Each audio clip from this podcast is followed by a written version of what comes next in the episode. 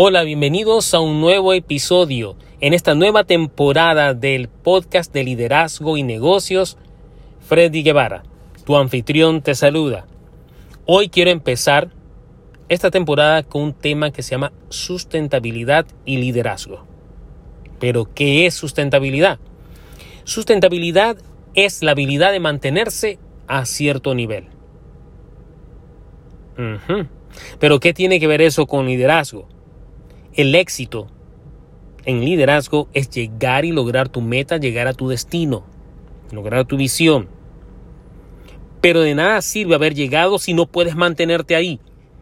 De nada sirve todos los esfuerzos de llegar hasta un destino, de lograr una meta, si no puedes quedarte ahí. Un líder de éxito está comprometido con la estabilidad. Está comprometido con estabilidad en medio de la crisis, en medio de las variaciones, en medio de las fluctuaciones. En medio del camino. No importa con qué obstáculos y desafíos y oposición se enfrente, el líder tiene que ser estable.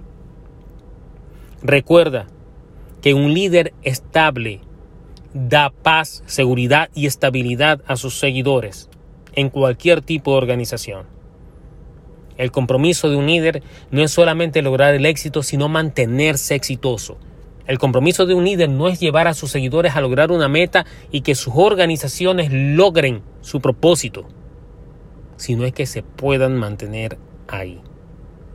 Esa es la importancia de que un líder se comprometa a ser estable, a lograr la sustentabilidad durante tiempos de crisis, durante tiempos de conflictos, durante tiempos de guerra. Si tú quieres ser un líder poderoso, un líder con una gran influencia, tú tienes que apostar por la sustentabilidad de tus acciones, por la sustentabilidad de tus logros. ¿Podrás mantener el logro de hoy, la victoria de hoy mañana? ¿Podrás mantener y lograr la victoria de mañana y mantenerla para un futuro? Eso es un líder.